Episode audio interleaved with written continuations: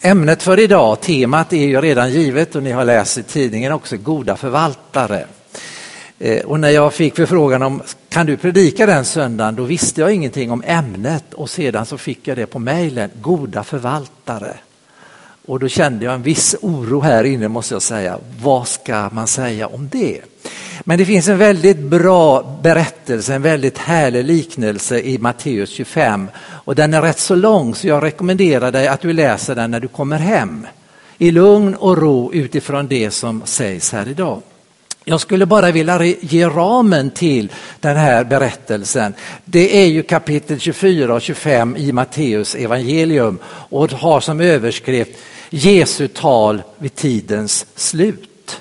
Alltså vi får inte se den här berättelsen som lösryckt ur sitt sammanhang utan den är inplacerad i ett sammanhang som har med tidens slut att göra. Och då står det i Matteus 25 och 13 så här. Håll er därför vakna, ni vet inte när dagen och timmen är inne. Och så kommer hela den här berättelsen om talenterna, liknelsen om talenterna. Och så läser jag den 31 versen. När Människosonen kommer i sin härlighet tillsammans med alla sina änglar, då skall han sätta sig på härlighetens tron.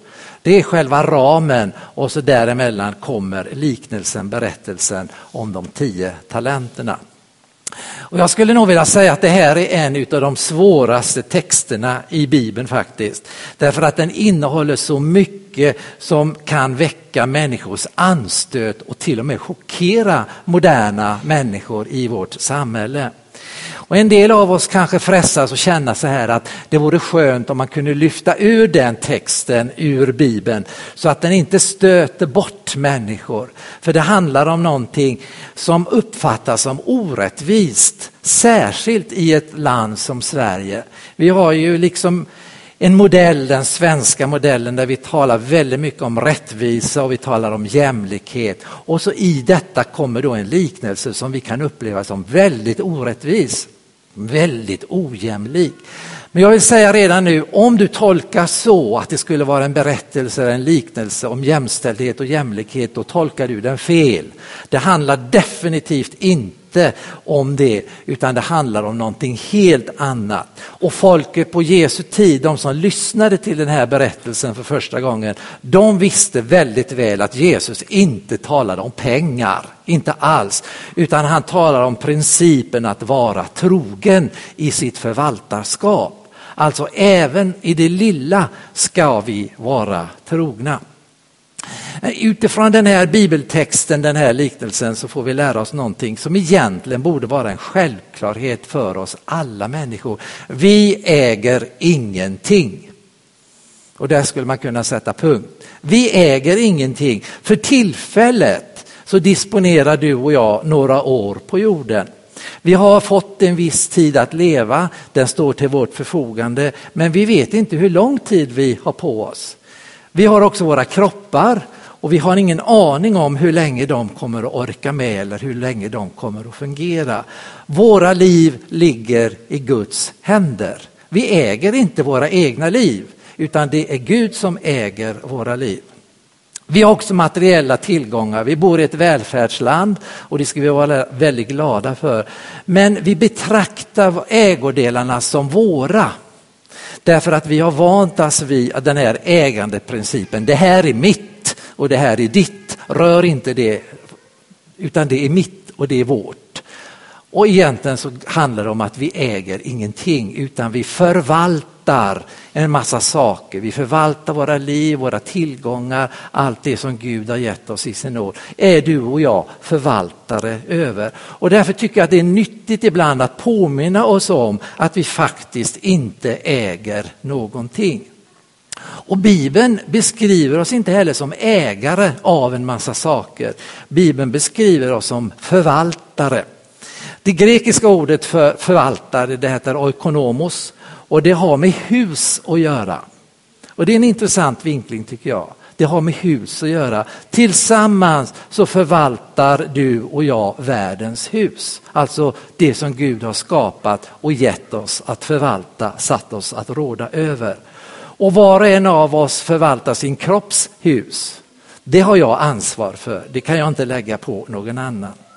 Men enligt Bibeln så är det Gud som är ägaren och vi förvaltar det han har satt i våra händer.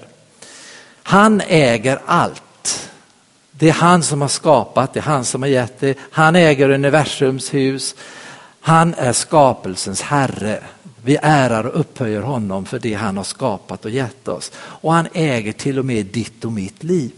Vi tror att det är vårt liv. Ska inte jag själv få bestämma över mitt liv? Rätt så vanligt när någon påpekar att så kan du inte göra. Det bestämmer jag väl själv. Men faktum är att vi bestämmer inte över våra liv, för de liven, de äger Gud. Vi lever så länge han vill. Och Gud är ägaren och vi är förvaltare till och med av våra liv. Och det här är grundläggande tema i Bibeln, förvaltarskapet. Och det finns bara en enda i Nya Testamentet som är både förvaltare och husägare och det är Jesus Kristus. Han äger allt. Men genom sitt sätt att vara och genom sitt sätt att leva så har han visat oss hur vi, du och jag, ska förhålla oss till allt detta som vi får att förvalta. Vi får dispositionsrätt över en massa saker och det handlar om att förvalta dem på rätt sätt. Vi ska förvalta det väl. I den här texten i Matteus så ger oss Herren en liknelse. Och vi kan väl börja med det allra viktigaste i den liknelsen. Det är Herren som samlar sina tjänare. Och det är intressant att se några kapitel senare i Matteus så är vi inne i Jesu död. Alltså alldeles strax innan han börjar tala om sin död och allt det han upplever där så lyfter han fram den här liknelsen och han talar om en man som ska ge sig iväg och på obestämd tid. Det står inte att han ska vara borta två år eller tre månader utan han ska bara ge sig iväg. Och det är rätt så vanligt sätt för Jesus att uttrycka sig på det viset. Han talar lite nu och då i Bibeln om att någon som ska ge sig av, hela tiden säger han också att denna person ska komma tillbaka.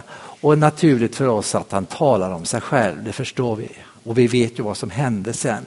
Han talar om sig själv och han talar om förvaltarskapet. Därför att under hans bortvaro, i hans frånvaro, så ska du och jag som en del av mänskligheten förvalta Guds skapelse, det han har gett oss att vara förvaltare över. Och det ska vi göra på bästa sätt. Men han ska komma tillbaka. Och det är precis det det handlar om. Medan vi lever här så förvaltar vi det han har gett oss med inriktning på att han ska komma tillbaka. Och han kan komma att ställa sig framför oss och fråga, vad har du gjort av det som jag gav dig att förvalta? Om man läser den här texten väldigt hastigt och utifrån ett modernt tänkesätt så kan man faktiskt tycka att det här är djupt orättvist. Varför skulle de här tre männen, tre tjänarna, få så olika belopp att förvalta? Den som får minst, han får en talent och den som får mest, han får fem. Och så är det en tredje person och han får två. En denar på den tiden, det var det man fick för ett dagsarbete. Alltså man jobbade åtta timmar en hel dag, då fick man en denar. En talent är betydligt mycket, mycket mer. Det är 6 000 dagslöner. Alltså 6 000 dagslöner är en talent. Och räknar man om det till modern årslön så skulle det bli alltså 16 årslöner som denna person får som får en talent. Och då kan du själv räkna ut hur mycket blev det då den som fick fem och den som fick två. Det är alltså stora summor om vi räknar i vårt sätt att tänka. Men Jesus markerar väldigt tydligt att det inte är orättvist att de får fem, två och en talent. Därför att antalet talenter, det de får, är anpassat, avpassat till hur förvaltaren kan klara av hela saken. De får efter sin förmåga det Gud ser att de kan klara av. De har en kapacitet, den som förvaltar fem får ytterligare fem, den som förvaltar två får ytterligare två och så är det en som inte förvaltar alls utan han gräver ner sin talent i jorden Och orsaken kommer vi till alldeles strax. Det finns alltså en slags barmhärtighet hos, hos Jesus gentemot den här som bara får en enda talent. Och låt mig vara tydlig, övertydlig. Det handlar inte om pengar och årslöner. Det handlar inte om det, utan det handlar om vårt sätt att förvalta det som du och jag fått att förvalta. Våra liv, våra gåvor, våra talanger, allt detta som Gud har gett oss. Hur sköter vi det? Hur tar vi vara på det? Är vi som den oförståndiga att vi gräver ner det i jorden och tänker det var inte, ingen idé att göra någonting åt det? Eller gör vi som den förståndige förvaltaren, han omsätter det och blir fördubblat fem talenter till. Det här lilla ordet talent det har fått svenska betydelsen talang. Det har liksom en överförd betydelse, talang. Våra begåvningar, våra förutsättningar, det är en kombination naturligtvis av genetiskt material, av miljö, kultur där vi växer upp och omständigheter som gör att de kan blomma ut och bli vad Gud har tänkt det till. Han vill att vi ska använda våra talanger till något förståndigt förstås. Oavsett om du får en eller vi får många talenter så är det i himmelsperspektiv rätt så små saker som vi får att förvalta. Gud är inte snål, han liksom ger oss vad vi kan klara av att förvalta. Men det handlar om hur ser himmelens verklighet ut? Och då är det vi får rätt så slit, litet. Och det är därför Jesus säger till den som fått de fem talenterna, du har varit trogen i det lilla. Vi kan ju tänka så här, 5 gånger 16 årslöner, det är mycket pengar det. Kan det vara lite? Men Jesus säger det för att markera att himmelens härlighet, himmelens verklighet är så mycket större. Så att 5 gånger 16 årslöner, det är rätt så lite ändå. Du har varit trogen i det lilla. Och vi tycker väl att det var väl att ta i, kunde han inte liksom berömt honom lite mer? Men en gång ska Jesus säga till dig och mig samma sak. När vi står där, han kommer och sätter sig på sin härlighetstron och så kallar han fram oss var och en. Och så säger han till oss, väl gjort du gode och trogne tjänare. Du var trogen i det lilla, gå in i min Herres glädje. Därför att han ser allt. Jesus ser allt, både det som är på jorden och det som är i himlen. Och då har han proportionerna klart för sig. Det som vi upplever som stort och märkvärdigt och mycket, det är egentligen lite i förhållande till himmelens härlighet. Det gäller jakten på pengar, på rikedom idag i vårt samhälle. Det gäller att roffa åt sig så mycket som möjligt. Det har vi sett och det har vi hört. De rikaste människorna på jorden, de skriver man om, de visar man upp i tv, de finns i tidningar, man kan läsa om väldigt många människor blir avundsjuka på alla de här som har så mycket. Men det är ingenting i förhållande till vad den fattiga fattige kommer att få när han kommer till himlen och möter himlens verklighet. Det är alltså en helt annan proportion. Oavsett fattigdom eller rikedom i den här världen så öppnar sig en annan verklighet för oss den dag vi går in i evighetens värld. Vi sa att de fem och de två talenterna de förvaltades väl. De omsatte det, de förmerade detta till dubbla antalet de hade fått. Och de talenterna blev andra till glädje. Och det är det enda sättet att förmera det förtroende som Gud har gett dig och mig.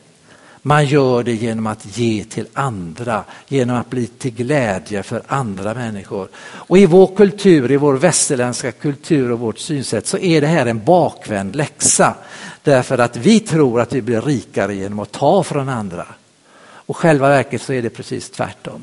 En god förvaltare tar inte från andra utan han har det han har och ger till andra, blir till välsignelse och glädje. Den största förvaltaren det är naturligtvis Jesus Kristus själv. Han som äger allt i himlen och på jorden. Och Det är intressant att se när han dog vid döden, vad bestod hans rikedom av? Ja, det var inte stora hus och det var inte ett svällande bankkonto och en massa kontokort som vi samlar på oss. Det handlar inte om det, utan hans rikedom vid slutet av livet, det är att han har tömt ut sig själv på allt. Till och med sitt blod, till och med sitt liv gav han för att det skulle komma alla människor till godo. Och det är rikedom. Inte ett bankkonto, inte massa hus, utan att han gav sig själv. Han gav sitt liv för dig och mig. Och därför finns det ingen som har fått så mycket att förvalta som Jesus själv. Men det finns heller ingen annan som har förvaltat det han fått och gjort det så väl. Han förvaltade det Gud hade gett honom fullt ut till 100 procent. Därför att förvaltarskapets hemligheter ligger inte i att ta utan att ge. Och det är två av tre som med glädje ser fram emot att husägaren ska komma tillbaka. Och när han kommer tillbaka så säger de ödmjukt till honom, detta har jag åstadkommit. Du gav mig fem, jag har tjänat, jag har åstadkommit, jag kan lämna tio talenter till dig. Så kommer nummer två, han har fått två, han har också tjänat dubbelt så mycket och han överlämnar det i ödmjukhet. Och Jesus säger inte att du ska inte tycka att, du har gjort, att det du har gjort inte är värt någonting utan Jesus han är väldigt tacksam. Gud är tacksam för vad de har gjort, att de har kunnat förmera det på det här sättet. Och så säger de, du kan gå in till festen, gå in i min Herres glädje. Och så kommer han då som bara har fått en talent, han har inte gjort någonting av sitt förvaltarskap. Och han säger till Jesus så här, jag har lärt känna dig som en hård och grym herre. Och Jesus han, han liksom bejakar det här perspektivet. För det handlar om att den människa som inte ser på Jesus Kristus med kärleksfulla ögon och det kan man inte göra förrän man har mött Jesus kärleksfulla ögon. För den personen kan det här tyckas väldigt hänsynslöst och nästan provocerande jag har lärt känna dig som en sträng och grym herre. Jag har inte gjort någonting. Jag gick och grävde ner, du gav mig och varsågod, här får du det tillbaka. Men Jesus menar alltså, även om man bara fått lite, den som har fått en talent borde i varje fall ha satt in det på banken så att det skulle ha blivit lite ränta. Han skulle inte passivt grävt ner det, låtit det ligga där till ingen nytta utan han skulle använt det till någonting för andra. Men vi läser i sammanhanget att han, den här tredje tjänaren, han fruktade sin herre. Han vågade inte lämna tillbaka därför att han visste att Herren var sträng. Kärleken måste drabba oss för att vi ska kunna förmera det vi har fått och lämna tillbaka det till Jesus. Han bidrog egentligen inte med någonting som blev till glädje och nytta för någon annan. Så står de där på räkenskapens dag och den här liknelsen, den här berättelsen, det är alltså en del av Jesu tal om tidens slut. Och det är intressant, varningen kommer först, vi uppmanas att hålla oss vakna. Ni vet inte när dagen och timmen är inne. Så säger han, och sen läser vi 31 versen, att Jesus kommer tillbaka och han ska sätta sig på sin härlighetstron. Och då ska han kalla fram oss och fråga oss, hur har du förvaltat det jag gav dig? Ditt liv, vad har du gjort utav det? Det gåvor du gav, jag har gett dig, vad har du gjort av dem? Har du grävt ner dem? Har du använt dem för att ära och prisa mig, för att bli människor till välsignelse? Det dröjer, vi vet inte när Jesus Kristus kommer tillbaka. Han som äger och bestämmer överallt. Men då kommer han att visa det överlägsna i sitt förvaltarskap. Då får vi se honom precis sådan han är och då tror jag vi fattar vad Jesus egentligen har gjort för oss, för dig och mig. Han som i sin död och i sin uppståndelse ger allt till oss. Och det dröjer också till den här dagen kommer när vi ska träda fram inför honom och göra räkenskap. Då sitter han på härlighetens tron. Jag tycker det är ett underbart uttryck, härlighetens tron. Och då ska han ställa hela mänskligheten framför sig som förvaltare av det vi har fått att ha hand om. Och varenda en av oss kommer att stå där och vi får ge svar till honom. Liknelsen handlar alltså inte inte om en orättvis fördelning som vi tycker då i vårt sekulära Sverige, så kan man väl inte göra. Utan det uppmanar oss att vara goda förvaltare och att vara trogna även i det lilla. Så du som har fått, tycker att du har fått en talent, jämför det med honom eller henne som har fått fem. Grips inte av avundsjuka. Gud har gett dig det som han tror att du kan klara av och förvalta.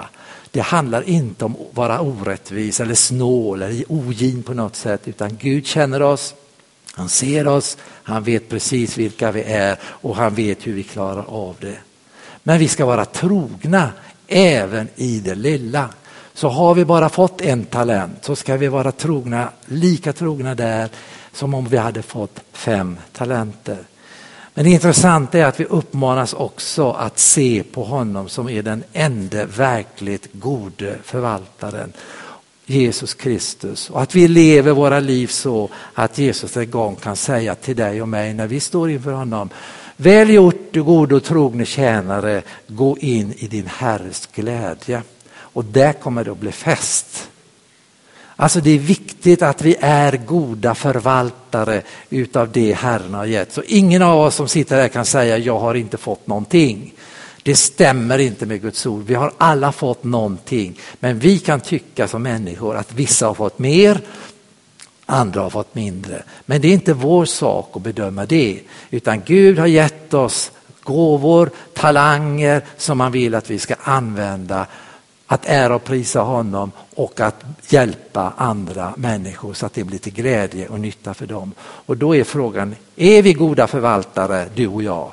Förvaltar vi det vi har fått på ett rätt sätt så att vi kan se fram emot den här dagen när vi ska stå inför Herren och avlägga räkenskap för våra liv och det vi har gjort under våra liv. Det kan bli långt, det kan bli kort, det vet vi ingenting om. Men våra liv ligger i Herrens händer och han förväntar sig att vi förvaltar det han har gett oss på ett alldeles ypperligt sätt. Herre, tack att du ska hjälpa oss var och en som sitter här i kyrkan och hör det här. Låt det inte bara bli en berättelse, en liknelse som vi läser och tycker att ja, det var väl bra eller det var inte bra, utan låt oss se detta i perspektivet av att vi ska vara vaksamma för dagen för din ankomst närmar sig och vi vet inte när det blir.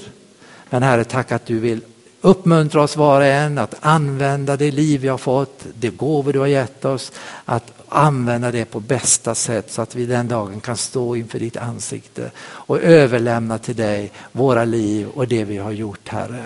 Tack att du vill hjälpa oss var och en att vi är trogna förvaltare även i det lilla Herre. För det är det du ser, troheten i vårt förvaltarskap. Och du vill hjälpa oss var och en i Jesu namn. Amen.